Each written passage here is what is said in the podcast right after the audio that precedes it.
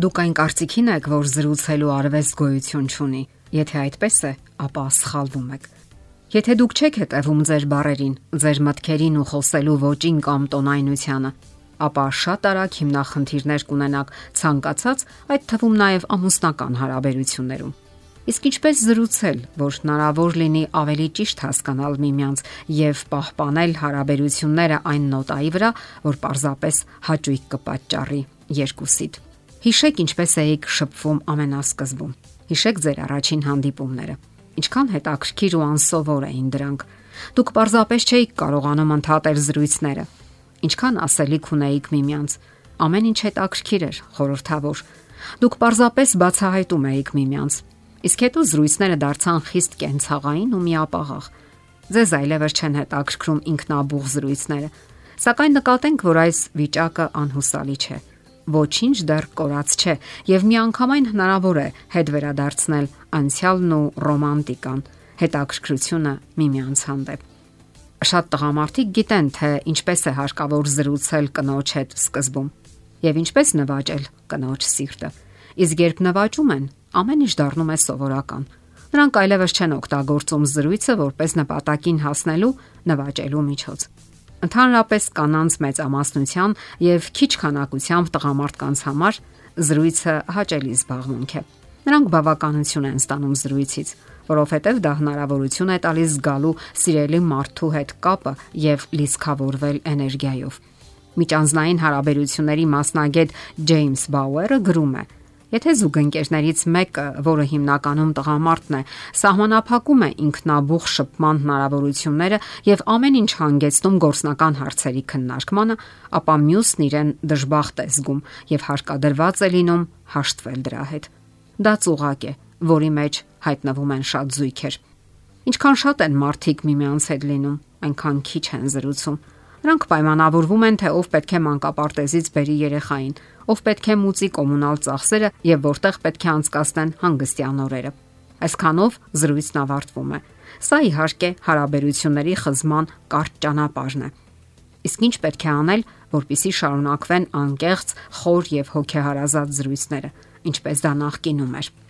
Հարկավոր է ժամանակ հատկացնել։ Մասնագետները առաջարկում են զրույցները ներառել օրվա գրաֆիկի մեջ Եթե դուք վերադառնում եք տուն եւ անմիջապես խորանում հեռախոսի կամ համակարգչի մեջ,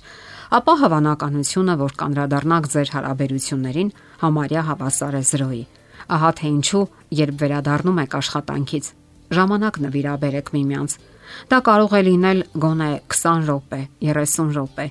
Այդ ժամանակահատվածում տեղ չունի վիրտուալ աշխարհը եւ ոչ մեկը չի կարող ներխուժել ձեր անձնական տարածքը։ Փորձեք զրուցել այն բանից, ինչը հետաքրքրում է դիմացինին։ Օրինակ կանայք կարող են հարցնել. Ինչ ես կարծում, ֆուտբոլային ո՞ր թիմը կհաղթի այսօր։ Սա վստահաբար կհետաքրքրի տղամարդուն։ Իսկ եթե հարցնեք, քո կարծիքով, ինչ սազում է այս հակոստը, ապա ամենայն հավանականությամբ դա չի հետաքրքրի տղամարդուն, եթե նույնիսկ քաղաքավարությունից ելնելով որևէ բան պատասխանի դիմացինին հրապուրող նյութը կարող է լինել այն կամրջակը, որով նա կմտնի վստահելի շփման ու զրույցի մեջ։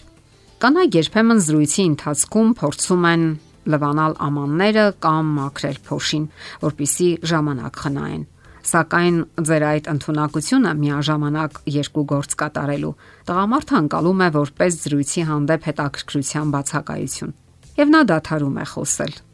Ելքն այն է, որ թեկուս հին զրույցներին հարկավոր է մոտենալ նոր տեսանկյունից։ Դա խզում է ամենօրյա հարաբերությունների ձանձրալի միապաղաղությունը։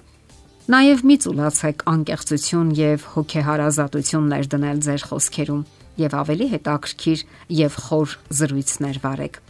Լսեք դիմացինին հնարավորինս ուրախadir։ Խորամուխ եղեք նրան մտահոգող հարցերի մեջ։ Նաև փորձեք մոռանալ հերթապահ արտահայտությունները։ Զրույցների ժամանակ մի փորձեք անմիջապես գտնել դիմացինին հուզող հարցի պատասխանը։ Ամենից առաջ դուք չեք կարող անել դա։ Եվ հետո դիմացինին հնարավոր է հուզում է ոչ թե լուծումը, այլ ըմբռնումը այն բանի, որ իրեն հասկանում են։ Միշտ ապեք ասել. «Քո ղեկավարը քեզ չի գնահատում» կամ «Այդ ընկերությունը արժանի չէ քեզ»։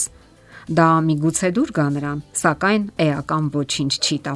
Կարող եք դիտարկել իրավիճակը նրա աշխատանքային առաջընթացի ընդհանուր համատեքստում։ Միգուցե կան առավելություններ այդ իրավիճակում։